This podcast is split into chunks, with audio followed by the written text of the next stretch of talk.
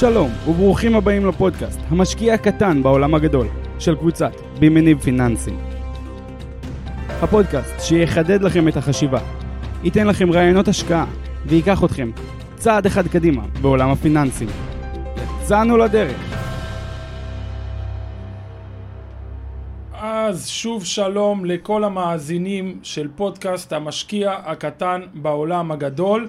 אה, והיום אני מארח את אה, שי מזרחי, אהלן שי.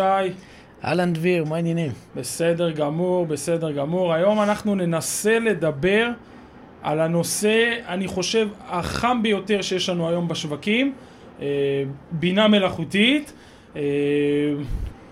אנחנו ננסה להבין קודם כל מה זה בינה מלאכותית. אחרי זה ננסה בכלל להיכנס לעולם של ההשקעות בתוך הבינה המלאכותית. האם בינה מלאכותית עשויה להשפיע על ההשקעות שלנו לטוב או לרע, האם היא עשויה להשפיע על החיים שלנו במובן כזה או אחר, והאם בכלל כל הסיפור הזה שנקרא בינה מלאכותית הוא משהו שישתלם לנו. זאת אומרת, האם בכלל כל הדבר הזה יכול להיות שההשקעה בו היא יותר גדולה ממה שהוא יניב בהמשך? אה, זה מה שאנחנו ננסה היום לגלות. אה, אני חושב שזה אחד הפודקאסטים המעניינים ביותר שיהיו בתקופה האחרונה. יש, את, אה, יש כמה תחומים עכשיו שהם מאוד מאוד חזקים, אם זה תחום אגרות החוב, והסיפור הזה של ריבית ואינפלציה, שהוא תופס את כל האוזניים של המשקיעים, אבל הבינה המלאכותית זה משהו שמעבר להשקעות, אנשים מתחילים לפחד על מקום העבודה שלהם. ואם כבר במקום עבודה עסקינן וככה העלינו את הנושא, אז אני אשמח אה, להתחיל איתך בשאלה ראשונה טובה. אה, ספר לנו במה אתה עוסק, מה אתה עושה, ולמה דווקא איתך אני מדבר היום על בינה מלאכותית ולא עם מישהו אחר. טוב, אז קודם כל כיף להיות פה. אה, שי מזרחי, מנכ"ל החברה הגלובלית לשירותים דיגיטליים.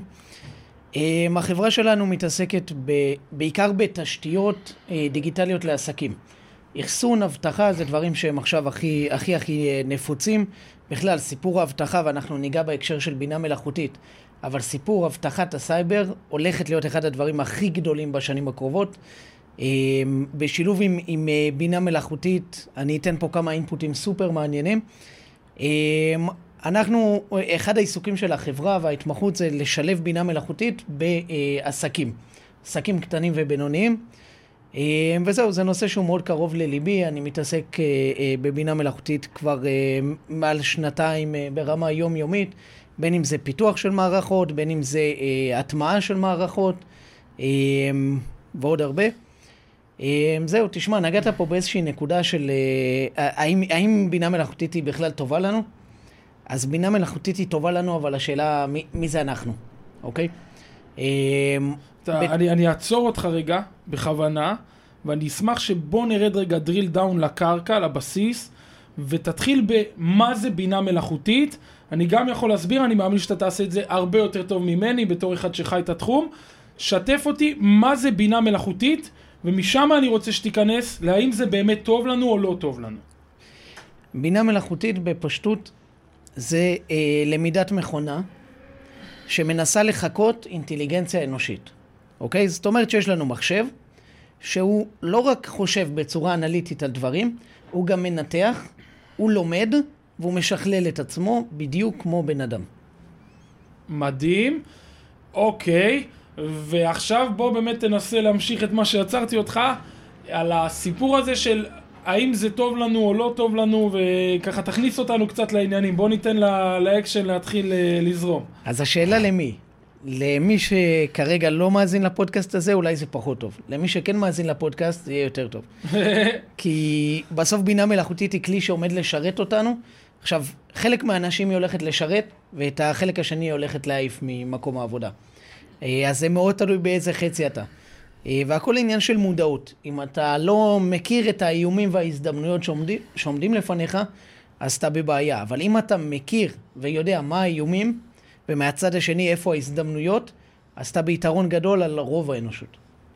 הבנתי אותך, אה, אבל דווקא מה שאני מבין במחקרים שאני עושה, זה שמי שבעצם, אה, הבינה המלאכותית לאו דווקא הולכת להחליף אנשים, אלא מישהו הולך להחליף את האנשים האלה בזה שהוא ישתמש בה לטובת להחליף אותם. אני אנסה לפשט את זה למקרה שהמשפט הזה לא היה ברור. אומרים שהבינה המלאכותית לא תחליף אותי לדוגמה, אלא מה שיחליף אותי זה המישהו שיחליף את המקצוע שלי בעזרת השימוש בבינה מלאכותית.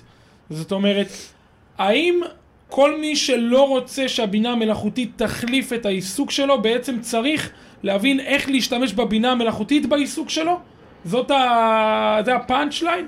תשמע, היום כמעט, ואני לא יכול לחשוב על מקצוע או תחום, שלא יכול להיעזר ולשכלל את השירותים שלו בעזרת בינה מלאכותית. זאת אומרת, שכמעט ואין עבודה היום, או בן אדם בכדור הארץ, שלא יכול לשפר את עצמו עם בינה מלאכותית. לכן, יש פה איזושהי אה, אה, הזדמנות להתפתח ולעלות מול כולם, ויש פה איזשהו איום. מי שיישאר מאחורה, מאוד יכול להיות שימצא את עצמו בבית, ימצא את עצמו, אה, צריך להמציא את עצמו מחדש. אנחנו הולכים לראות את זה. יש המון הרגעה, אוקיי? יש המון הרגעה בכל אה, פודקאסט אחר, בכל אה, אה, אתר חדשות ובכל מקום שתחפש, אפילו אם תשאל היום את ChatGPT, האם בינה מלאכותית תחליף אנשים, היא תיתן לך תשובה מאוד מאוד מעודנת. כי, כי מגנים, מגנים כן. על האנשים, אבל בעצם עושים להם נזק גדול. האמת היא שהיא הולכת להעיף עש... מיליוני, מאות מיליוני אנשים הביתה. אוקיי? היום למשל חברת אמזון מעסיקה מעל מיליון אנשים. זה כמות עצומה לתאגיד. תדמיין את ההוצאות שלה על כוח אדם. אה, ההתנהלות היא, היא, היא, היא, בעידן של היום היא פסיכית להעסיק מיליון אנשים. אני מאמין שבעוד עשור הם יעסיקו משמעותית, עשרות אחוזים פחות. אז זה ממחיש כמה אנשים הולכים אה, לעוף הביתה. הבנתי אותך. אז אה, עולה לי פה שתי דברים ככה מהדברים שאמרת שהם באמת דברים מאוד מעניינים והייתי אומר קריטיים. קריטיים ובאמת אה, מי שמאזין לפודקאסט הזה אה, יקבל הרבה תובנות. אה, בהמשך גם יקבל אותם על השקעות. דבר ראשון שאני מצליח להבין ממך זה באמת באופן מקרו כללי זה שאנחנו נתקלנו כרגע במה שנקרא טכנולוגיה משבשת. ולמי שמאזין לפודקאסט הזה ולא יודע מה אומר המושג טכנולוגיה משבשת, אז אני ככה אסבר את אוזניכם. טכנולוגיה משבשת אה, באה ואומרת, אה, אני, היי, אני טכנולוגיה ואני באתי לשבש את הקיים. באתי לשנות לכם את החיים כמו שעדיין לא הכרתם. זאת אומרת, זה, אפשר להגיד שמכונית הייתה סוג של טכנולוגיה משבשת, היא שיבשה את הקיים, פתאום לא תלויים בסוסים וזה, פתאום אפשר uh, באמת לנוע בצורה הרבה יותר מהירה uh, וגם בטוחה. אבל אני חושב, הטכנולוגיה המשבשת הגדולה ביותר שנכנסה לחיינו בעיניי, יש האומרים שזה האינטרנט, אני חושב שהאינטרנט הוא בהחלט טכנולוגיה משבשת, אבל מה ששיבש אותנו עוד יותר זה הטלפון. כי לא רק שהוא לקח את האינטרנט, הוא לקח את האינטרנט בצורה אה, ניידת. זה, אם האינטרנט היית צריך לשבת על המחשב וזה, אז היום הטלפון שיבש את כל מה שאנחנו מכירים. אם אני רוצה ללכת לראות סרט, פעם היה, היית הולך לבלוקבאסטר ולוקח אה, כזה דיסק והולך ומקרין בבית, ואם היית רוצה אה, לעשות אה, העברה של כסף, היית צריך ללכת לבנק פיזית, לעמוד בתור, לתת מסמכים, תעודת זהות, ספח, כל הסיפור הזה, ורק משם להתקדם. ו... ועוד ועוד ועוד ועוד, אנחנו פה אפשר לה- להמשיך עד מחר, ובא הטלפון, במקום אחד מרכז לי הכל. סטרימינג וידאו, אם זה נטפליקס, דיסני, אמזון פריים, מה שתרצה. אה, העברות בנקאיות צ'יק צ'אק. זאת אומרת, בא משהו ושיבש את הקיים. אה, לדוגמה, ביטקוין, זה משהו שינסה לשבש את הקיים בעולם המטבעות. כל הזמן יש משהו שמגיע ומשבש בעולם המטבעות, בעבר זה היה... אז אה, ב- אה, בעבר זה היה... בהקשר של הביטקוין, אה, ביטקוין הוא בעצם יריית הפתיחה של אה, מהפכה של טכנולוגיה משבשת, שבסופו של יום זה ה-CBDC. זה לייצר מטבעות שהם דווקא מדיניים, כמו שקל דיגיטלי, דולר דיגיטלי, זה כבר משהו יואן שעובדים דיגיטלי. עליו. זה קיים. זה כבר קיים, דולר דיגיטלי קיים, שקל בשנים דיגיטלי הקרובות זה יתחיל להיות מיושם. כן. אה, תשמע, אני מאוד מתחבר לאמירה של טכנולוגיה משבשת. אה, ההגדרה הזאת היא מדויקת, וב-20 שנה האחרונות, קצת יותר, אה, חווינו כמה גלים כאלה. הכל התחיל בעידן האינטרנט, אני מדבר עכשיו על ה-30 שנה האחרונות, הכל התחיל בעידן האינטרנט. תשמע, כבר אחת- לפני 146 שנה, בדיוק השבוע לפני 146 שנים, אה, היה את שיחת הטלפון הראשונה. זה גם סוג של טכנולוגיה נכון. זה פשוט לא כל כך טכנולוגיה. זה משהו אז- ששיבש, זה פחות אז טכנולוגיה. ברור שעל ציר הזמן יש לנו אה, רדיו ו- וטלפון ועוד דברים, אבל אם אנחנו רגע מתעסקים בתקופת החיים שלנו, אז קודם כל היה את האינטרנט, אחרי זה הגיע אה, אה, הטלפון החכם, בעצם האייפון הראשון, ששינה לגמרי את כל העולם מקצה לקצה. היום כל מוסד רשמי מתקשר איתך רק באמצעות הטלפון. הבנק, הממשלה, שולחים לך אה, קישור, אם אין לך טלפון חכם אתה לא תוכל לפתוח אותו. אה, אתה חייב להיות עם טלפון חכם ב-99% מהמקרים היום כדי להתמודד עם המציאות. אה, אחרי זה הגיעה הר- הרשת החברתית. הרשתות החברתיות שיבשו עוד פעם את כל מהלך החיים שלנו. באזור 2010-2011 שם זה נכון, קרה, באזור 2011. וב-2013 כבר הייתה הפריצה של פייסבוק וזה. נכון. נכון, אחרי זה אה, מגיע הביטקוין, אבל באמת, כש, כשמגיעים המטבעות המבוזרים, הביטקוין, אתריום ו, ו, והחבר'ה האלה, הם באמת יריית הפתיחה, אבל הם עוד לא אה, יצרו את השיבוש שלהם. נכון שקצת כסף זז מהשוק הרגיל, משוק המניות, משוק המטח, ועבר אולי לשוק הקריפטו, זה לא השיבוש הגדול. השיבוש הרציני של האירוע הזה יהיה כשמדינות יתחילו ליישם CBDC, אה, ואז, אה, ואז אנחנו נהיה בעולם אחר, עולם של... אה, שדירוג האשראי שלך לא יהיה רק בלקיחת הלוואה, אלא הוא יהיה כללי בכל אספקט בחיים. הכסף שלך יהיה בעצם נשלט בכל רגע, ו- וכל כל הכסף שיסתובב בכלכלה יהיה כסף לבן. זה הולך לשנות את כל המציאות. כן. אה, ועכשיו אנחנו מגיעים לעניין של בינה מלאכותית, שלדעתי, מבין כל הנושאים בשלושים שנה האחרונות, זה האירוע הכי גדול, וכנראה הכי גדול ב, ב, גם בחמישים שנה הקרובות. לזה אנחנו עכשיו נצלול באמת בפודקאסט הזה. רגע לפני שנגיע לשם, אה, אני באמת אשמח להגיד עוד איזה שני דברים. אה, התחלתי עם הטלפון, אני רוצה רק להמשיך להעביר את הנקודה. תראה, שפייסבוק הונפקה ב-2013, היא ירדה. קרסה. לא היה הייפ, לא היה קפיצה, אף אחד לא התלהב. לא קרסה, גם אתה יודע, 20% למטה וזה, זה לא קריסות בשוק ההון. מי שמכיר את שוק ההון, אה, יש קריסות יותר קשות, שפתאום מעבירים איזה חברה להיות עמותה, והיא לא יכולה להרוויח, זה חברה שקורסת 90% בשבוע, אבל מה ש... לענייננו, מה שקרה, זה שאנשים אה, השתמשו בפייסבוק בצורה נהדרת דרך המחשב, והונפקה ב-2013 עקב כך, ובדיוק ב-2013 התחלנו להשתמש בטלפונים החכמים, והמניה ירדה. מה, נשאלת השאלה למה המניה יורדת אם פייסבוק כל כך מצליחה במחשב, ומה שקרה זה שבפועל אנשים לא האמינו שפייסבוק תצליח להתאים את חוויית המשתמש מהמחשב לטלפון, ולכן המשקיעים ברחו. אנשים אמרו, ממה פייסבוק מרוויחה? מפרסומות. מי יסתכל על פרסומות במסך כל כך קטן? מי יסתכל בטלפון? זה, זה לא יצליח, פייסבוק תקרוס, כי אף אחד לא יפרסם דרכה דרך טלפון, כי טלפון זה מאוד קטן. והטלפון הוכיח שהוא טכנולוגיה משבשת, עד היום הוא מושך אותנו, אה, אז זה באמת נקודה שרציתי להעביר. ונשאלת השאלה, אם נחזור ככה לבינה המלאכותית, אמרת שהמון אנשים יאבדו את העבודה שלהם אם יישארו מאחור.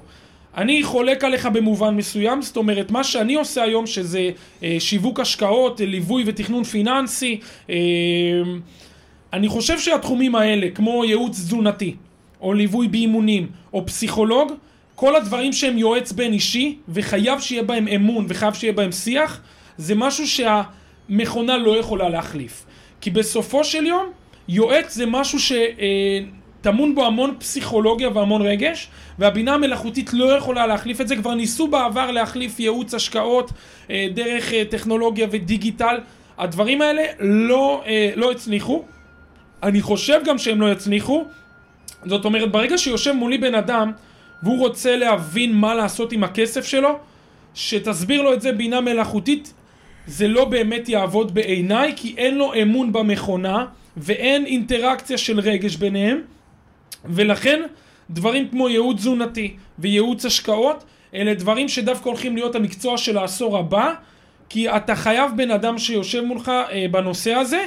כן אני מסכים, וזה גם מה שאומרים מחקרים, עשור מהיום, עשר שנים מהיום, 30% מהמשרות הקיימות לא יהיו קיימות, כי יחליף אותנו הרובוטים והאוטומציה והבינה המלאכותית.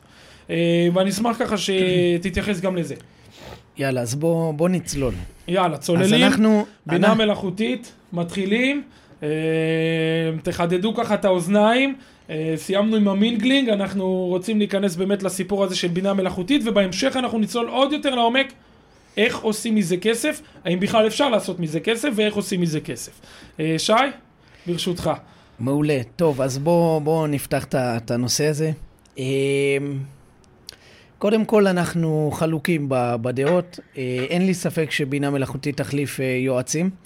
אה, בין אם זה אה, יועצים פיננסיים, פסיכולוגיים, יועצי תזונה, יועצי אה, כושר, מה שזה לא יהיה. עכשיו, אני אשים פה רגע את היסודות לכמה דברים שאני מתבסס עליהם. הדבר הראשון הוא שכבר היום, יותר נכון כבר לפני כמה שנים, עובדים על זה שבעצם לוקחים את היועץ הכי טוב בעולם, לוקחים את היועץ הכי טוב בעולם בנושא מסוים, ובעצם עושים extract לכל המידע שיש לו, מוציאים את כל המידע שיש לו, מסדרים בדאטאבייסים, בטבלאות מסודרים, מסודרות, אמ, ובעצם מתחילים לתת למכונות ללמוד אותם, לבצע ניתוחים. עכשיו, מה ש... כמות האנשים שיועץ פוגש ב, אה, אה, במהלך החיים, במהלך כל הקריירה שלו, היא אפסית לעומת כמות האנשים שיועץ בינה מלאכותית יפגוש במהלך שנה אחת, אוקיי? היכולת שלו להשתפר ולהתאים את עצמו לאין סוף מצבים משתנים ושונות בין אנשים, היא, היא תהיה אה, אה, פנומנלית. כולל גם להתאים את עצמו למצב נפשי או מצב רגשי של אנשים. עכשיו, העניין השני של אמון. רגע, אני אשאל אז שאלה. יש את צ'אט GPT שזה בעצם הבהיר את כל הדבר הזה ופתאום כולם התחילו לדבר על בינה מלאכותית בזכות נכון. זה למרות שעל בינה מלאכותית כבר עובדים מעל עשר שנים. נכון.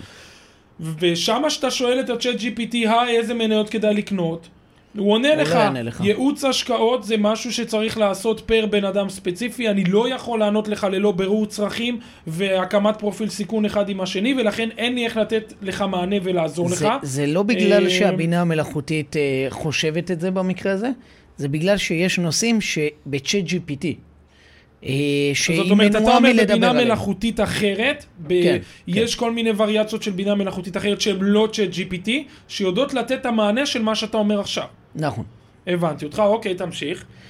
לגבי העולם הרגשי, עולם האמון, אז uh, כבר היום, uh, אם אתה תטוס ליפן, נעשה שם איזשהו uh, סיבוב, אנחנו uh, נגלה אנשים שאוהבים את המכונות שלהם ואת הדמויות הווירטואליות שלהם הרבה יותר ממה שאתה יכול לדמיין. אני מכיר, מכיר את הסיפור הזה. בעצם הדור של היום, הדור שאנחנו פחות מכירים, של הילדים שגדלים ממש עכשיו, דור הפורטנייט. דור אה, הפורטנייט. אלה, אלה, אלה ילדים שבעצם גדלים בסביבה שבה אה, הטכנולוגיה אמינה הרבה יותר מבני אדם. הכישורים החברתיים שלהם נמוכים מאוד והם ימשיכו לרדת משנה לשנה. אה, אנחנו לא חפים מפשע בעניין הזה, גם אנחנו דור של אייפונים ווואטסאפים וכן הלאה, אבל אין ספק שזה יורד משנה לשנה, וככל שזה יורד, בעצם האדם הופך להיות פחות, אה, אה, האמון שלו בבני אדם ילך וירד, האמון שלו במכונות אה, ובבינה מלאכותית כמו צ'אט GPT ילך ויגבר. בעתיד בינה מלאכותית תלבש צורה, אוקיי? היום כשאתה מדבר עם צ'אט GPT זה אה, כמו וואטסאפ. אתה מתכתב איתו והוא מתכתב איתך. אוקיי? דרך אגב, במהלך אה, כל השנים, אה, מרגלים כבר הפילו אה, אה, אה, מדינאים ואנשי צבא דרך צ'אטים. זה רמת האמון שאפשר להגיע אליה גם בצ'אט. אבל בקרוב, בינה מלאכותית תלבש צורה, והיא תוכל ללבוש איזה צורה שאתה הכי אוהב. ואנשים באמת יוכלו להיקשר אליה. כבר היום זה קיים בטלפונים, יש אפליקציות של אה, אה, אה, חבר אה, בינה מלאכותית ו- וכל מיני דברים וואלה. כאלה. כן, כן, זה קיים כבר היום. עכשיו, אם אתה ואני ניכנס לזה, כנראה שלא לא מאוד נתחבר. אבל ילד היום, מדור הפורטנייט בגיל שמונה, הוא יכול באמת לרכוש חבר אמיתי יותר טוב מכל החברים שיש לו בבית הספר, בתוך הפלאפון. אז, אז זה, זה בהקשר הזה.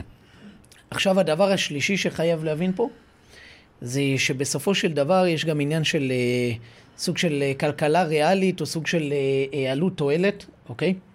וזמן אנושי הולך להיות אחד הדברים הכי יקרים בעתיד הקרוב, אוקיי? כשאנחנו... בגלל שיהיה ניתן להחליף אותו בכזאת קלות? לא, אז יש פה שני דברים. זמן, זמן אנושי, כשאנחנו מדברים על עבודה שחורה, עבודה אה, שהיא... אה, עבודת כפיים. עבודת כפיים, כן, הכוונה... נגרות הכוונה... לדוגמה, משהו שבינה מלאכותית אולי תוכל לעשות בהמשך בעזרת רובוטים שבנויים על בינה מלאכותית. נכון, אז ההגדרה היא באמת עבודה שהיא רפטטיבית, חוזרת על עצמה, שמצריכה סקילים מסוימים, אוקיי? אבל פחות בעולמות של חשיבה אסטרטגית, אוקיי? פחות בהיבטים של אה, בינה אנושית משמעותית. אמ, אז העולמות האלה, העלות אה, של, של אה, עבודה אנושית תהיה זולה עד אפסית. ולכן הם ייכחדו, לא יהיה להם סיכוי להתקיים. אבל עבודה אנושית מסוג אחר, זמן, זמן אנושי שעדיין יהיה לו ביקוש, כרגע כמו אה, יועצי השקעות, אה, או דברים שעדיין אנחנו לא במקום של להחליף, יהיה יקר מאוד, יהיה יקר מאוד. ופה בעצם תבוא הבינה, הבינה המלאכותית, וכשבן אה, אדם יצטרך לעשות את החישובים הכלכליים שלו, גם כבן אדם פרטי, גם כ, כחברה או כבעל עסק, אה, ככל שהוא יצליח והוא יחפש יותר פתרונות מבוססים טכנולוגיה, ככה לאט לאט הוא יתנתק גם מהרגש מאנשים. אוקיי? Okay? כן. הוא, ו... הוא בסוף זה יחס עלות תועלת, זה כמו היום אני אתן את הדוגמה הכי קלאסית, ואני חושב שלכל מי ש, שמאזין עכשיו זה יעשה שכל. אה, אני מניח שכמעט כולנו שמענו על פייבר, פלטפורמה אה, אה, ישראלית, שבעצם marketplace של פרילנסרים. אני מאוד אוהב את הפלטפורמה, והדבר הראשון כש, כשהושקה, אנשים אמרו, רגע, אני אעבוד עם מתכנת מהצד השני של העולם, מהודו או פקיסטן או אינדונזיה או אנגליה או ארה"ב, אני לא מכיר, אני לא סומך. והיום כמעט אף אחד לא רוצה לעבוד עם האנשים המקומיים שלו. הוא רוצה לעבוד עם אנשים בחו"ל, מפתחים קשרים. אני עובד עם מתכנתים דרך פייבר, והוזמנתי כבר לשלוש גם חתונות. גם אני. אוקיי? שלוש חתונות, אני יכול לשער שהן או מהודו, או מקזחסטן, או מפקיסטן. פקיסטן. זאת אומרת, אה, בפקיסטן וקזחסטן ובהודו יש הרבה נותני שירות מפייבר, גם אני עובד איתם. אה, מי שעד היום לא יצא לו לעבוד עם פייבר, אני ושי ממליצים בחום, הם נותנים שירות. אה, אני חושב שהסיבה שהם נותנים שירות כל כך מהיר וטוב, זה כי הכסף שלנו שווה הרבה יותר אצלם. ואתה נכון. יודע, אצלי 90 שקל עכשיו, זה בקטנה, בוא תן לי שירות, קח 90 שקל, בשבילו הוא עכשיו מפרפר יום שלם. אה, וזה באמת מעניין לעבוד עם החבר'ה האלה, וזה באמת משהו מיוחד, שגם אני באופן אישי, שאני מגדיר את עצמי כבן אדם לא טכנולוגי במיוחד, לא האמנתי בו. היה לי קשה להיכנס אליו. פתאום אתה מבין כמה מהר פותחים שם חשבון, אין, אני לא יודע אם יש לי בכלל סיסמה, אתה ככה אימייל וזה, וטיק טק אתה כבר נותן שירות, אה, מקבל שירות בפייבר, שזה מדהים. נכון, ובסוף אתה עובד עם אנשים, נותן להם גישה. אה, במקרה שלי זה, זה לאתרים, זה לפונקציות מסוימות בשרתים של החברה. כמובן שהכל מבוקר, מגובה, מאובטח, ועדיין אתה לומד לרכוש אמון עם אנשים בצד השני של העולם שלא פגשת, אתה לא באמת יודע אם השם שלהם בפלטפורמה הוא השם האמיתי שלהם, או אם, אה, אה, או אם התמונה שלהם היא, היא, היא אמיתית. אני נתקלתי, למשל, אחד הספקים הטובים שלי בפייבר, במשך אה, שנה קראתי לו בשם מסוים, עד שהוא אמר לי, תשמע, שאנחנו כבר עובדים ומכירים הרבה זמן. השם האמיתי שלי זה השם הזה. אני רכשתי את החשבון כי יש איזושהי תופעה שעדיף לך במקום לפתוח חשבון חדש, לקנות חשבון ותיק של מישהו אחר. ולהתגלגל משם כן. עם יותר רייטינג ו- וכל מיני פונקציות כאלה שמקדמות אותם. אז, אז הוא כאילו, אתה יודע, זה, זה לא שהוא הסתיר את זה, הוא התחבא מאחורי איזשהו פרופיל, אבל הוא קנה איזה פרופיל, רץ איתו, זה לא באמת, גם הוא לא חשב שזה יעניין מישהו, השם האמיתי שלו. בדיוק, כי הוא בא לתת שירות, הוא לא בא לייצר יחסים נכון, בין אישיים. נכון, אבל נוצרו יחסים, ופתאום מדהים. יש אמון, ואני סומך על חלק מהאנשים שם, יותר ממה שאני אסמוך על בן אדם אה, שאני פוגש פה, גם פרונטלית, בפעם הראשונה, לפני שאני עובד איתו. מדהים, מדהים. אה, טוב, בואו בוא, באמת נצלול עוד יותר לעומק. מה, אה, מה הבהיר את הסיפור בשנה האחרונה על בינה מלאכותית? אני אזכיר, עובדים על בינה מלאכותית מעל עשר שנים, אני לא באמת יודע בדיוק כמה זמן. אתה רוצה שניתן איזה סקירה בוא, קצרה לדבר הזה? תן איזה סקירה קצרה, אבל בוא כבר ניכנס לסיפור הזה של מה פתאום גרם לכך שכל ילד יודע מה זה בינה מלאכותית, מה הציף את זה בשוק.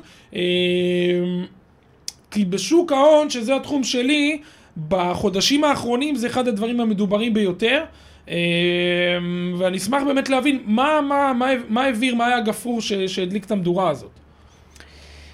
אה, טוב, אז אה, סקירה מאוד מאוד זריזה.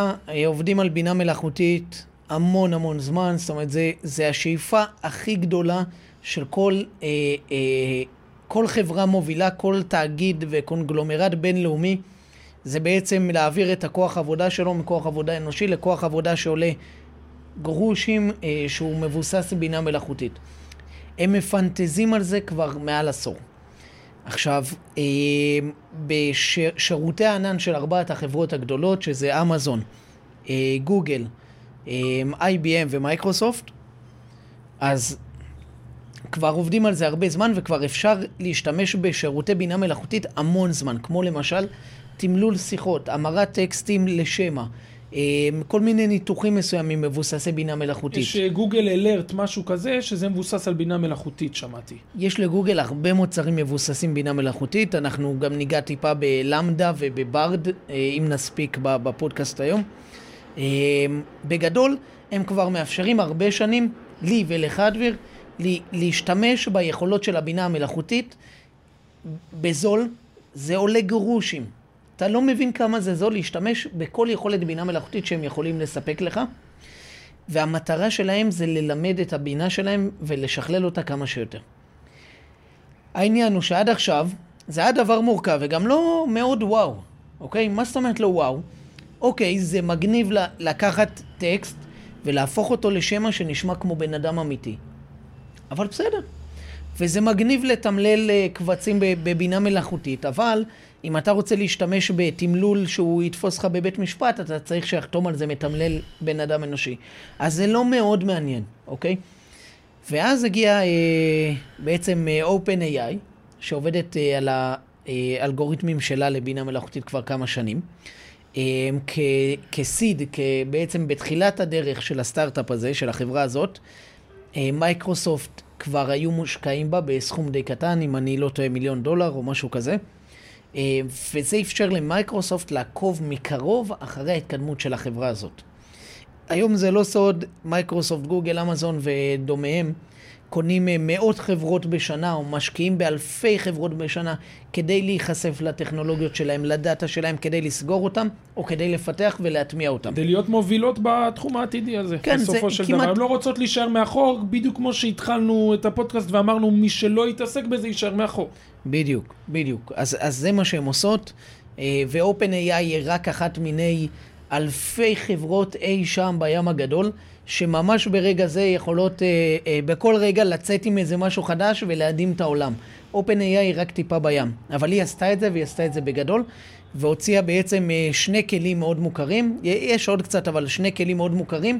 היא השיקה את GPT-3, Chat GPT, טכנולוגיה אה, מבוססת בינה מלאכותית שמאפשרת לנו המשתמשים לד... להתכתב בצורת טקסט עם בינה, מל... עם בינה מלאכותית ולעשות איתה כמעט הכל. לבקש ממנה איזה מידע שאנחנו רוצים, לכתוב לנו כל מה שאנחנו רוצים, לכתוב קוד, לתקן שגיאות בקודים למשל, אה, לייצר, לייצר לך איזשהו תוצר מילולי בכל נושא שאתה רוצה, אם זה מודעה לגוגל, אה, אם זה פוסט לפייסבוק, זה כל דבר, אבל אתה יכול גם להתייעץ איתה. אתה יכול להגיד לה, אני שוקל ככה וככה, אני עושה פעמיים ספורט בשבוע, אני זה זה.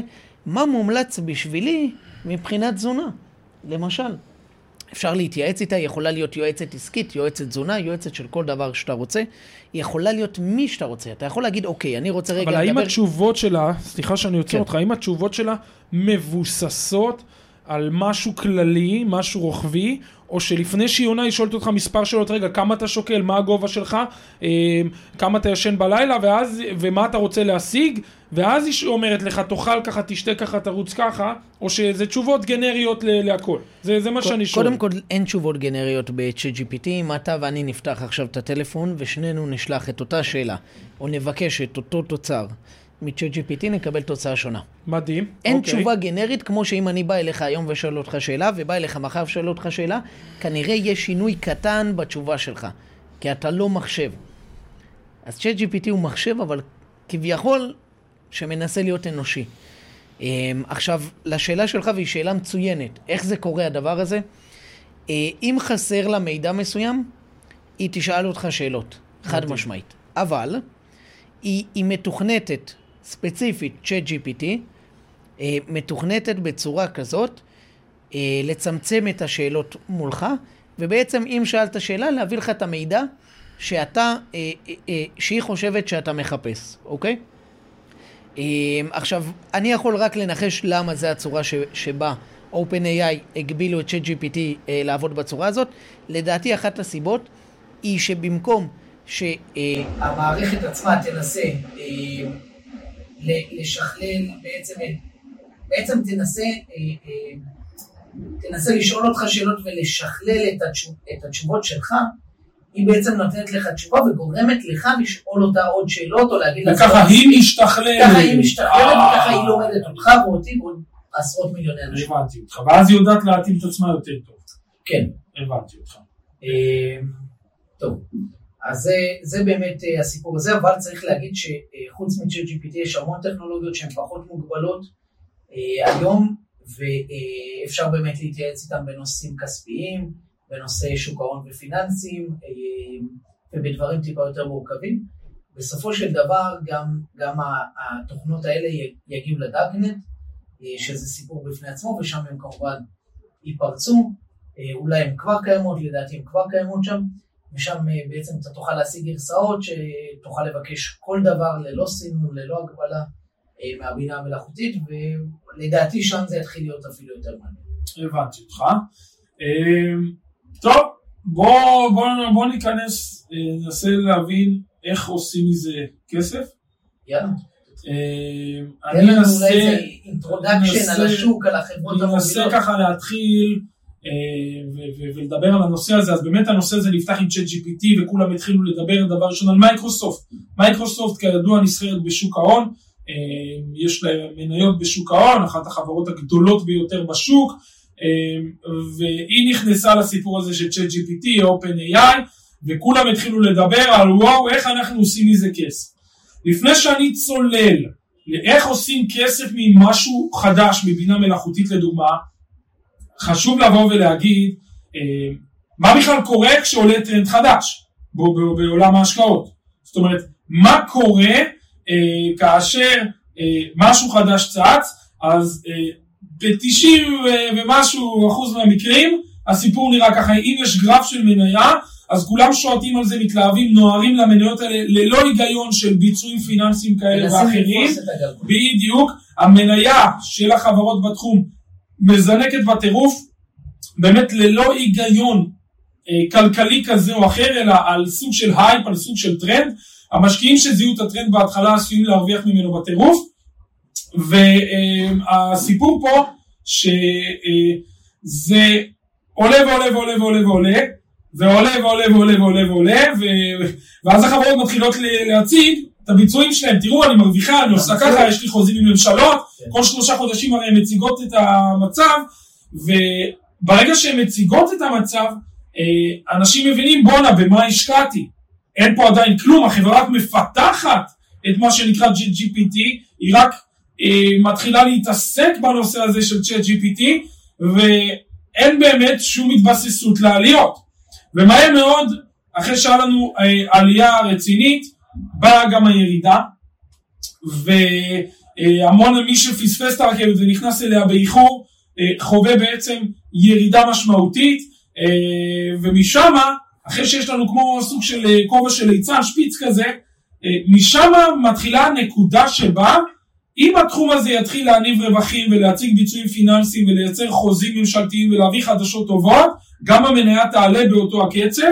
זאת אומרת, אם היה אפשר להמחיש את זה, זה קפיצה מאוד חדה, הבנה שהשקענו במשהו שהוא באמת העתיד, אבל העתיד עדיין לא פה, משם באה גם הירידה החדה, ולאחר מכן ככל שהעתיד הזה מתחיל לצבור תאוצה, ככה גם המניות מתחילות לצבור תאוצה, אפשר לראות את זה אה, על המון המון חברות, אפשר לראות את זה על, קח לדוגמה את גוגל והאינטרנט בשנת 2000, אנשים לא הבינו מה זה האינטרנט, כולם קנו בערימות, הביאו חברות לשווי מנופח של אלפי אחוזים מעבר למה שצריך, אה, קיבלנו בתמורה את אה, בועת הדוט קום, המשבר חטא, היה, היה משבר אדיר בשוק המניות ונפילה אדירה אה, ואנשים פתאום הבינו שהם השקיעו בחברות שמנסות להיכנס לתחום האינטרנט אבל הם עדיין בכלל לא שם. והכל באמת צנח בטירוף ומשם ככל שהאינטרנט התחיל לצבור תאוצה ככה החברות שמתעסקות בתחום כמו גוגל ומייקרוסופט ואפל ו- ואמזון ועוד ועוד ועוד צברו גם תאוצה. זאת אומרת קודם כל לפני שבכלל מדברים על מה זה התחום הזה איך עושים ממנו כסף תלכו ותסתכלו על כל תחום חדש זה ככה טיפ ממני כאחד שחי את השווקים. האם אתם נכנסים אחרי הקפיצה הראשונית או לפני? אם אתם לפני בסדר תבינו שיש פה סיכון אדיר תיכנסו ותבינו את הסיכון האדיר ושכל אחד באמת יתאים את זה לעצמו. אם אתם אחרי הקפיצה, אולי שווה לחכות כדי לא לחטוף את הירידות, ואם אתם מגיעים אחרי השפיץ, אחרי הקפיצה והירידה, תבחנו האם הדבר הזה מתחיל לייצר רווחים, ואם הוא מתחיל לייצר רווחים אולי תנסו לחקור ולהבין האם יש פה הזדמנות. הטיפ הכי גדול שלי למשקיעי מניות, חברה שטובה היום, היא טובה גם עוד שבוע והיא תהיה טובה גם עוד חודש. זאת אומרת, אתם לא תפספסו את הרכבת. לא משנה מתי נכנסתם לאמזון בעשור האחרון, לא פספסתם את הרכבת. אה, זה באמת טיפ אה, מאוד גדול. כן, שי? מהי חברה טובה, לדעתך? חברה טובה לדעתי זו חברה שא' כל, אה, אני אגדיר את זה תמנון. זאת אומרת, א' כל השאלה פה תלויה על מה אתה מסתכל. אם אנחנו מסתכלים על הנושא שלנו, ועדיף שבזה נתרכז היום, אז חברות צמיחה. חברות צמיחה טובות, אלה חברות שמציגות ביצועים פיננסיים של צמיחה, בין אם זה צמיחה בהכנסות או ברווחים, עדיף כמובן ברווחים, אבל בשניהם, שצומחות לאורך זמן על סמך ההיסטוריה, לא פעם אחת צומחת, פעם אחת לא, אלא באמת צומחות לאורך זמן. בנוסף, זה חברות שנכנסות כל הזמן לתחומים נוספים. למה אני קורא לאמזון תמנון? כי במשך 20 שנה לא עצרה את ההתרחבות בפעילות שלה. היא התחילה כהקנון האינטרנטי הגדול בעולם, אבל היא לא עצרה שם. היא א' כל הביאה שם צמיחה, שזה מה שמגדיר חברת צמיחה טובה, כל הזמן גדלה בהכנסות משנה לשנה בצורה פנומנלית של 30 ו-40 אחוזים משנה לשנה, אבל העניין היותר גדול פה, זה זה שהיא הצליחה פתאום להיכנס לתחום הפארמה, ולתחום המוניות, ולתחום הסטרימינג וידאו, ולתחום המוצרים לבית שמבוססים על IoT, שזה אה, מוצרים שיש בהם המון המון אינטליגנציה מלאכותית. אני יכול להוסיף פה משהו על אני אשמח. אה, אני חושב שאם אנחנו מדברים רגע על חברות אה, צמיחה, אמזון היא דוגמה מדהימה. כי אחד הדברים שאמזון עשו קצת לפני כולם, זה בעצם להבין שהעולם הולך למקום של ענן. מהרגע שיש אינטרנט, מהרגע שכולם מחוברים בטלפונים, במחשבים, אין היום משרד שמול כל בן אדם אין לפחות עוד מסך של מחשב. כן, לפחות אחד, אם לא שתיים, שלוש וארבע. ולכן, בזמן שמייקרוסופט כבר שלטה על כל השוק עם תוכנות אופיס, שאתה עדיין שם דיסק במחשב ומתקין ומפעיל עם איזה קוד, וזה מקומי, ואתה לא יכול לעבוד עם מי שלא איתך לרשת, אוקיי? אמזון כבר הבינו ששירותי הענן הם הדור הבא.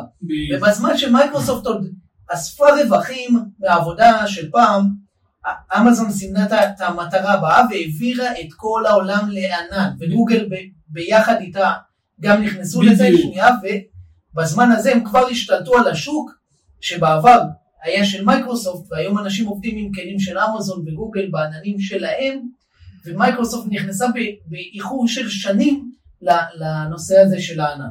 בדיוק, אז אה, מרגיש קצת לא בסדר שלא העליתי את הנושא הזה של, אה, של הענן, כי אמזון מתעסקת בענן והיום היא השולטת בענן, חטיבת הענן של אמזון נקראת AWS, לא. זו החטיבה השולטת ביותר בתחום הענן אה, בסיפור הזה של טכנולוגיה. חשוב להבין, כמו שאתה צריך לאחסן את הציוד שלך, חברות הייטק גדולות צריכות לאחסן מידע, ושם נכנס הסיפור של הענן, זה באמת גם העולם הבא ואמזון מאוד מאוד מרוויחה ממנו. אמ, אז אחרי שהבנו איך עובד טרנד ואיך עובד הסיפור הזה של בינה מלאכותית ברמה של טרנד בשוק ההון, בואו ננסה להבין אל, אל, אילו חברות מתעסקות היום בבינה מלאכותית. אני אשמח אם תוכל שי אתה לציין כמה חברות שמתעסקות בבינה מלאכותית אה, בתוך שוק ההון, כבר נצלול לעולם ההשקעות ולא רק, אה, מחוצה לו. אני אשמח שתגיד לי אה, מה החברות שבעצם מתעסקות בבינה מלאכותית בשוק ההון, אני אחרי זה אנסה אולי לתת איזה נקודת אה, מבט על ה-background של, של הדברים האלה, אולי אתה כבר תיגע בזה על הדרך, אבל אני באמת אשמח שתעשה את זה.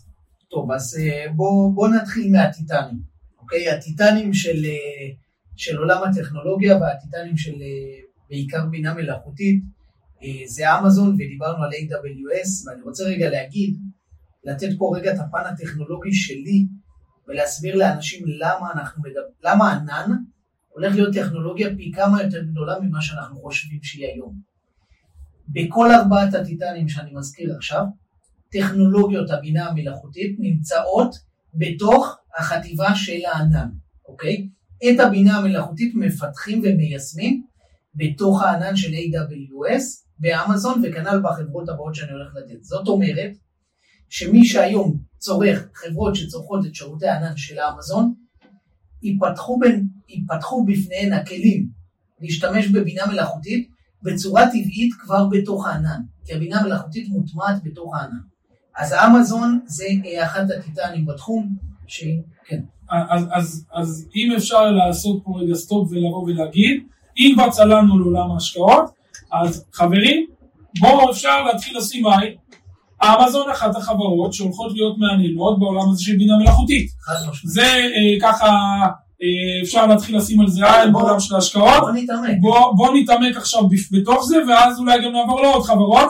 אבל באמת הרעיון של הפודקאסט הזה זה להציג למשקיעים, א' כל מה זה בינה מלאכותית שאני מאמין שאת זה כבר הצלחנו להעביר אה, יחסית בסדר, אה, בלשון המעטה, ועכשיו אנחנו מנסים להבין איך אפשר לעשות מזה כסף. אז איך שאומרים במאמר מוסגר, לא המלצה, אבל לכו שימו עין על אמזון. בואו נעמיק בזה. בואו נחשוב רגע למה אמזון יכולה להיות חברה אה, מדהימה, שתצמח בטירוף אה, אה, ביחד עם שוק הבינה המלאכותית. אז ככה, אה, משהו שיש לאמזון ואין לאף חברה אחרת, זה את העסקים הנוספים שלה.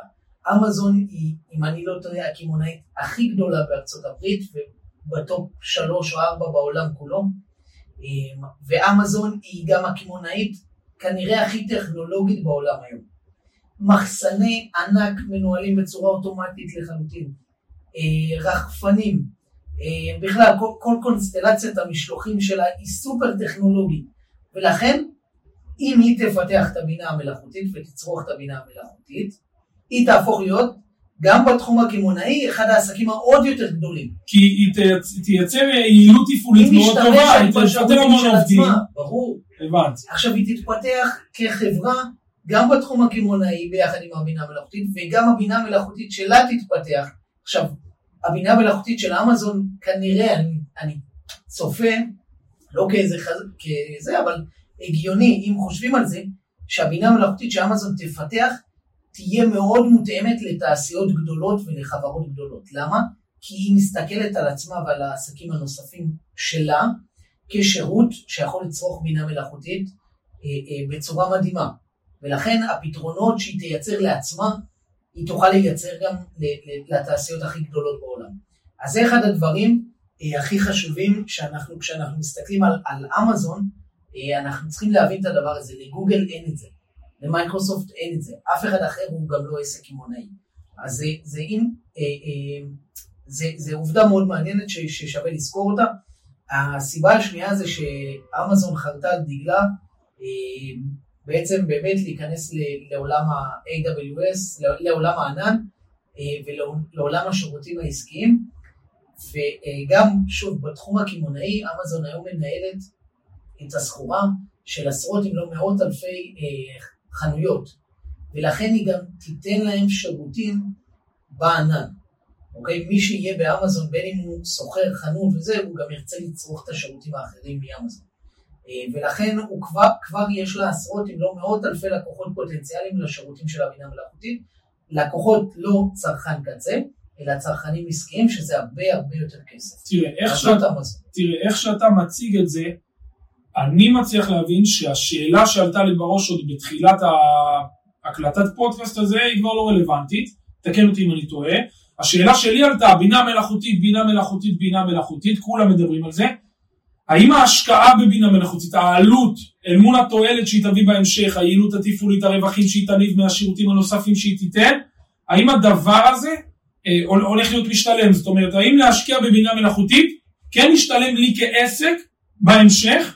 אני מצליח להבין באמת בצורה הפשטנית, אני חושב שאין מה להעמיק בזה, שכן. ברור שכן, אה, בעצם אם אתה מחליף עובד שמקבל שכר של בין 6 ל-10 אלף שקל במכונה שבעצם על, על זמן עבודה של 24-7 במשך 30 ימים בחודש מוציאה לך כמה דולרים בגלל השימוש שלה במשאבי שרת, אתה מבין שאתה חוסך יותר מ-99.9% מהעלות של העובד. הבנתי. כשאתה אומר את זה ככה בביטחון, אני משער לעצמי שגם אתה מנסה בעסק שלך, שהוא עסק טכנולוגי, להיכנס לעולם הזה של איך אני מחליף את מה שאני עושה היום, או את הספקים שאני עובד איתם, בסיפור שנקרא בינה מלאכותית.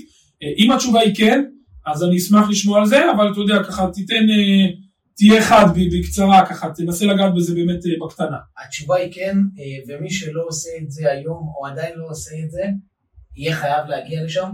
אם דיברנו על פייבר ואמרנו שאני עובד היום בחברה שלי עם ספקים חיצוניים, בין אם בישראל ובין אם בחו"ל, אני עובד הרבה עם מתכנתים. בין אם זה מתכנתים אה, בתחום של אפליקציות או בתחום של אתרים או שרתים, זה, זה העולם, התחום העבודה שלי.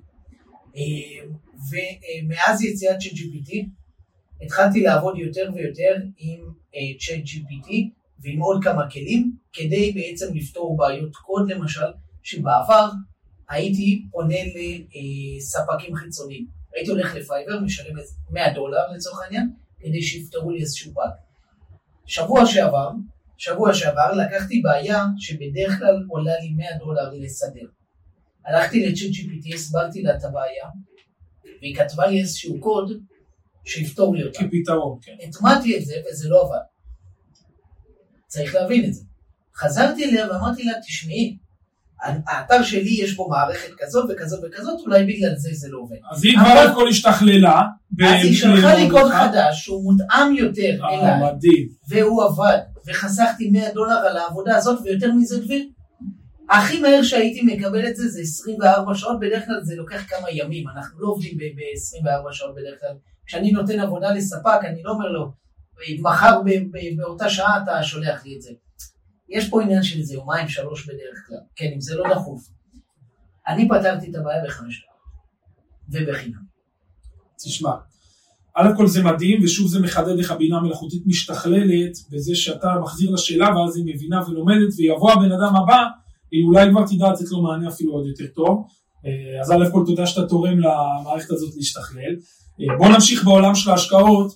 אה, ואני אשמח להתחיל על ה... אתה העלית את אמזון, אני אעלה פה חברה אחרת שהיא באמת בבקגראונד של הדברים, חברה שאני מאוד מאמין בה, שתמיד בתקופה ובשנים האחרונות מתומחרת יקר, אבל יש סיבה שמשהו יקר כמו לואי ויטון, לפעמים יש סיבה, תשמע, אה, לא כל, אה, לא כל התיקים באים עם יהלומים ואצלם כן, יש לפעמים סיבה לזה שמשהו יקר, ואינווידיה היא אחת כזאת. ידעתי שאתה הולך להגיד אינווידיה. תשמע, היא תמיד יקרה, ותמיד עולה השאלה האם לקנות חברה יקרה, אני עדיין מאמין בה גם במחיר הנוכחי, ואחד הדברים שאני רוצה להציף, ואני מאמין שאתה תוכל להשלים אותי ולהיכנס לזה יותר drill down, זה הסיפור הזה שאני המון המון פעמים הולך, אוהב ללכת למאחורי הקלעי. יש בינה מלאכותית וכולם מתלהבים, אני אומר, במה הבינה המלאכותית הזאת תלויה? מי עשוי להרוויח בזה, מהסיפור הזה מאחורי הקלעים? אה, כשדיברו על הקורונה ופייזר התחילו לייצר חיסונים, כל המשקיעים נהרו לקנות את פייזר. אני, אה, שמי דביר, נעים מאוד, אם מישהו עוד לא יודע, הלכתי ובדקתי מי מייצר את הבקבוקונים לחיסון, הרי כל חיסון יצטרך לשבת בתוך בקבוק, והמפעל שמייצר את זה הולך להרוויח המון.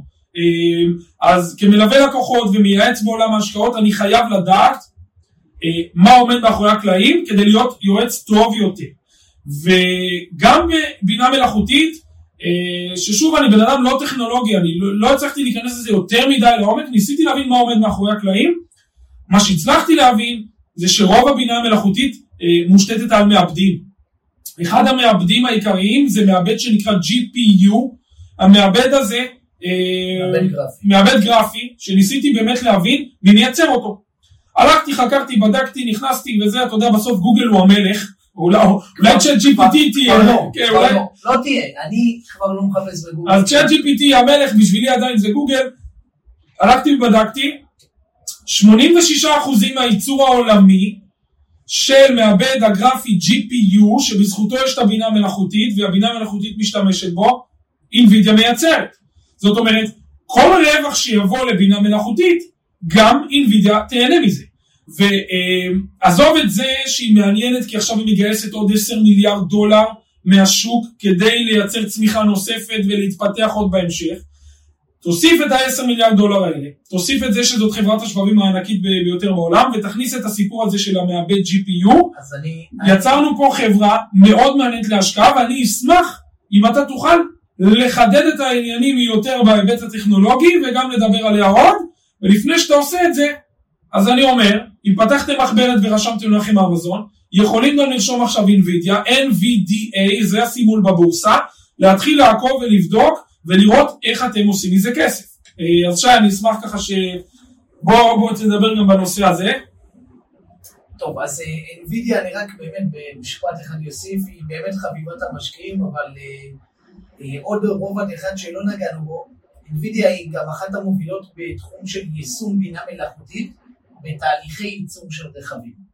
שוק הרכבים הוא אחד השווקים הכי גדולים, הכי רווחיים בעולם כבר הרבה מאוד שנים. אה, ואחד הדברים שהם עושים עכשיו, כולם רוצים לעבוד עם הטכנולוגיות החדשות של NVIDIA, אה, של השבבים אתה מתכוון? השבבים לא ברכבים? של השבבים, אלא טכנולוגיות בינה מלאכותית שמוטמעות בתהליכי הייצור של הרכבים ובעצם יחסכו עלויות פסיכיות.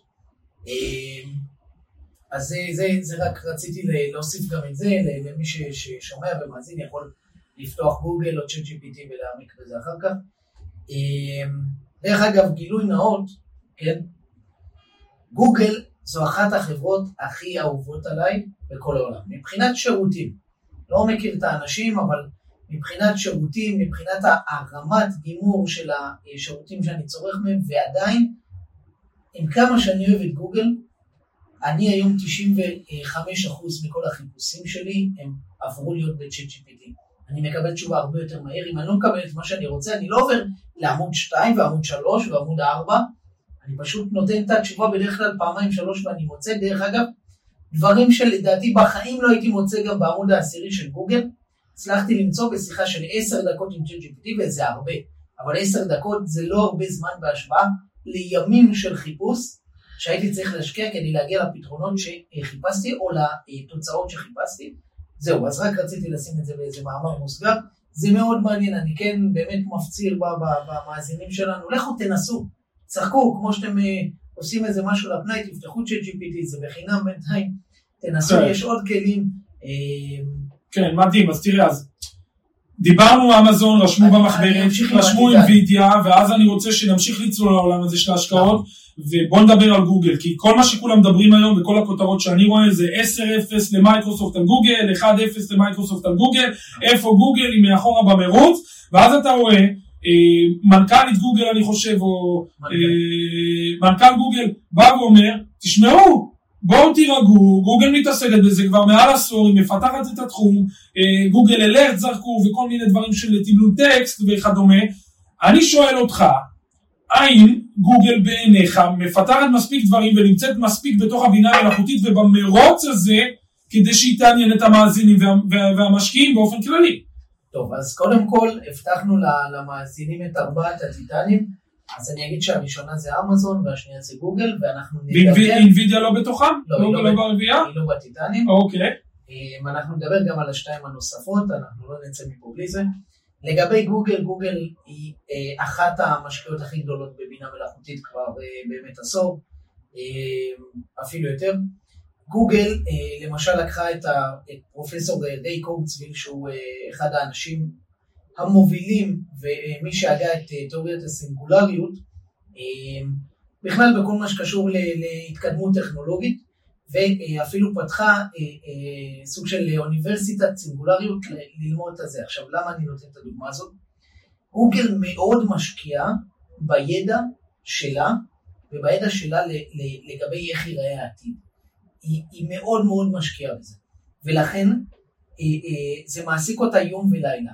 מה שקרה, זה שהטכנולוגיה של OpenAI התפתחה מאוד מהר למקום פסיכי, למקום ממש טוב, ו, אה, והיא פשוט אה, אה, הוציאה סוג של גרסה שהיא B2C, כאילו לצרכן, אוקיי?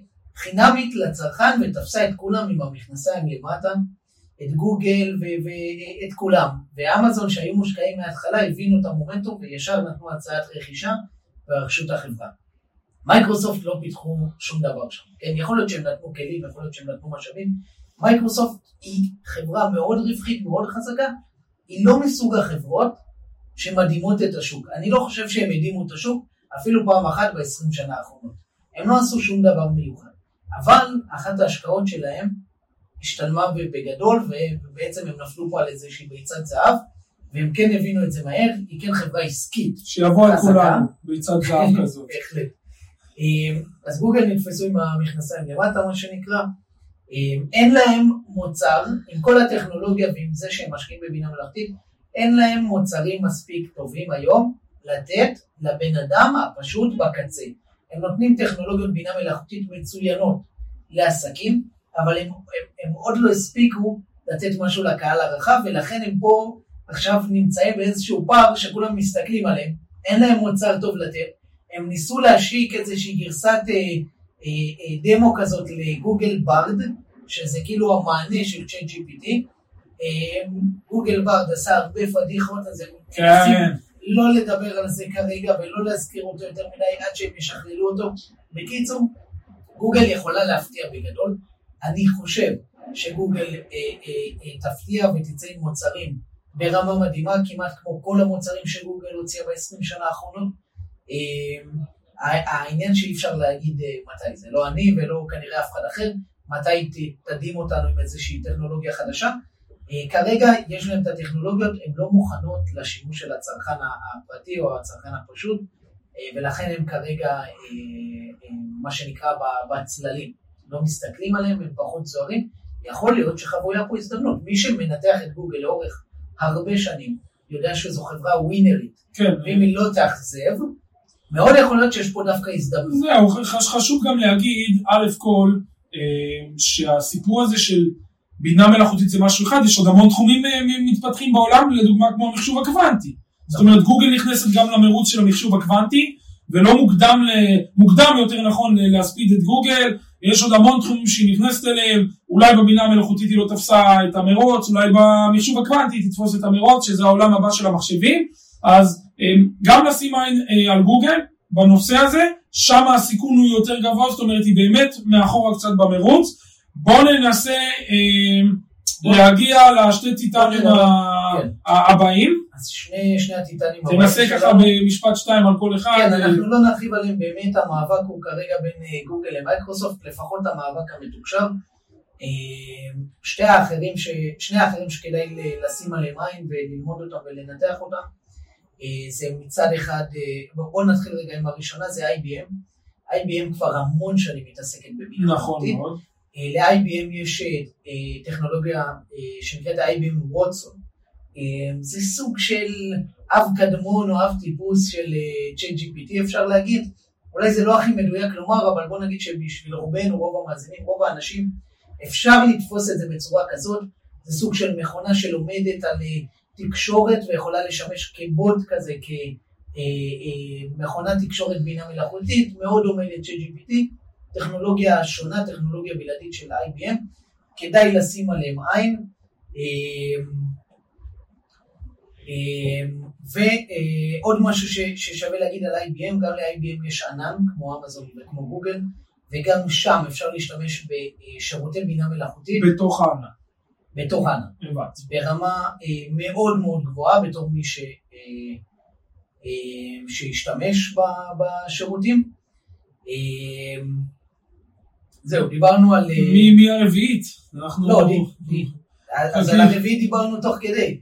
הרביעית היא בעצם מייקרוסופט, דיברנו על אמזון, על גוגל, על הבנתי אותך. ומייקרוסופט היא בעצם הרביעית, אני לא רואה סיבה להרחיב, דיברנו על OpenAI ועל כן. מייקרוסופט כחברה. אמ, אלה ארבעת הטיטנים בתחום, אבל צפויים לנו הפתעות מטורפות בשנים הקרובות. כמו OpenAI, יש עוד מלא מלא תרנגולות כאלה קטנות שמשקיעים בהם ארבעת הטיטנים ואולי חברות אחרות ומדינות, ופתאום תצא איזה ביצת זהב כמו ChatGPT. AIC3 היא אחת מהן? בהחלט, היא אחת החברות הפחות מוכרות בגלל שהיא מתעסקת עם תעשיות מאוד מאוד מאוד גדולות, כמו תעשיות ביטחוניות, כמו תעשיות של אה, אסדות וקידוח נפט וכן הלאה, וזה אחת ה... אני, אני באמת מציע לכל מי שהרגע שמע את מה שדביר אמר, ללכת ולראות את הגרף של אה, C3 AI בשנה האחרונה, אה, מי ששם שם את הכסף עשה תשואות פסיכיות, לכו תבדקו את זה, אני לא אגלה לכם, קצת שיעורי בית. זהו, אז אה, אני, אני, נראה לי שננסה להתמרכז כן. לשורה תחתונה. שורה תחתונה היא אה, מתחלקת לשתיים. בואו נדבר על זה באופן רחב מקרו, ואחרי זה מיקרו על החברות. המקרו זה, חברים, הרכבת יצאה לדרך. נכון. אם אתם רואים חברה שמתעסקת בתחום, ועוד לא דפקה את ה... קפצה את הקפיצה המשמעותית של הזינוק הזה, הכובע ליצן הזה שדיברנו עליו, אז אולי באמת שווה קצת להעמיק ואולי להיכנס ולזרוק שם כמה שקלים ולנסות לתת לכיס להתנפח. אך אם ראיתם כי הרכבת כבר יצאה והתמחור הוא מאוד גבוה, זאת אומרת שווי החברה אל מול הרווחים וההכנסות שלה, היחס הוא מאוד מאוד גדול והקפיצה בגרף היא כבר מאוד מאוד משמעותית, אולי עדיף להסתכל על זה מהצד ולחכות לרכבת הבאה, בין אם זה חברה הבאה בתחום או התחום הבא כמו מחשוב קוונטי. ואם ראיתם כבר את הקפיצה והירידה, אולי שווה באמת לבחון את החברה, כי אם היא באמת תצליח לייצר הכנסות וביצועים פיננסיים בתחום הזה, אז שווה באמת להתחיל לזרוק גם שם כמה שקלים. זה ברמת המקרו. או שנכנסתם לרכבת, או שאתם אחרי הרכבת וזה מעניין לבדוק את זה, האם החברה הזאת צומחת, או שהרכבת כבר בשיא שלה לפני ה... אה, לחטוף בראש, ושם עדיף להסתכל באמת מהצד. יש לנו מעל 40 אלף חברות בכלל בשוק ההון בכל העולם. לא שווה לשים את הכסף במשהו רק בגלל הפומו, רק בגלל הרצון להיות בחגיגה. פומו זה fear of missing out, הפחד לפספס את החגיגה. בגלל הפחד הזה לא שווה לשים את הכסף, זה ברמת המקרו. ברמת המיקרו, תרשמו לכם ושימו עין על מייקרוסופט, על אה, אמזון, על אה, גוגל, ומי הייתה האחרונה? ועל IBM. מעבר לכך, שווה להסתכל על מי שנותנת את הכסף מהצד, שעושה את הכסף מאחורי הקלעים, שזאת אינווידיה שדיברנו עליה, ונוסיף לזה כוכבית קטנה, תרשמו את הסימבול AI, תחקרו קצת על החברה הזאת, חברה מאוד מעניינת בעולם הזה של אה, בינה מלאכותית שנסחרת בתוך שוק ההון. מה שהכי מעניין בסיפור הזה, זה ש-IBM ומייקרוסופט וגוגל, יש להם את השירותים שהן נותנות והן עכשיו מהצד מנסות להיכנס למרוץ של בינה מלאכותית. הבינה המלאכותית היום לא מתדלקת את אמזון. זה לא מנוע הצמיחה שלה, זה לא פרת המזומנים שלה, אלא הענן ועוד המון מוצרים שהיא נותנת. AI בתוך שוק ההון, בסימבול AI, החברה הזאת, אה, זאת חברה שדווקא פרת המזומנים שלה ומנוע הצמיחה שלה זה הבינה המלאכותית. טיפת העשייה שלה זה בינה מלאכותית. בדיוק, ואם היא תצליח ליישם את זה בפועל ולהביא מזה ביצועים פיננסיים טובים, צמיחה, רווחיות, הכנסות, זה יכול להיות מאוד מעניין ואפשר לקרוא לזה הטסלה הבאה או משהו כזה בתחום הזה של אה, בינה מלאכותית אה, וזה אני חושב שזה מאוד מעניין. אה, זה ככה לסיום ולסיכום. אה, אני הייתי דביר, אה, מנהל אה, הכשרות במכללת בי מניב, קבוצת אה, פיננסים שנותנת שירות של ייעוץ השקעות ומכללה לקורסים והדרכות. קודם כל דביר היה כיף, אני שי מזרחי, יש לי בלוג פרטי שאני כותב על זה, אפשר לחפש באינטרנט, פשוט השם. ותשמע, היה לי כיף לאללה. כן, אני- מרגיש שיכולנו לדבר עוד שעות. היופי בפודקאסט הזה שהצלחנו באמת לתמצת מה זה, איך עושים מזה כסף, על מה כדאי לשים עין, אה, ולמאזינים שלנו. אנחנו אה, נתראה בקרוב, נתראה בהמשך, אה, מחכים כבר לפודקאסט הבא. בהצלחה לכולם בהשקעות. בהצלחה. תודה שהאזנתם לפודקאסט, המשקיע הקטן בעולם הגדול. הסקירות והניתוחים הנאמרים בפודקאסט אינם המלצה לפעולה בניירות ערך או בנכס פיננסי כזה או אחר. כלל הרעיונות ההשקעה העולים בפודקאסט הזה הם להעשרת הידע הכללי שלכם בלבד. מקווים שנהניתם, ונתראה בפרק הבא.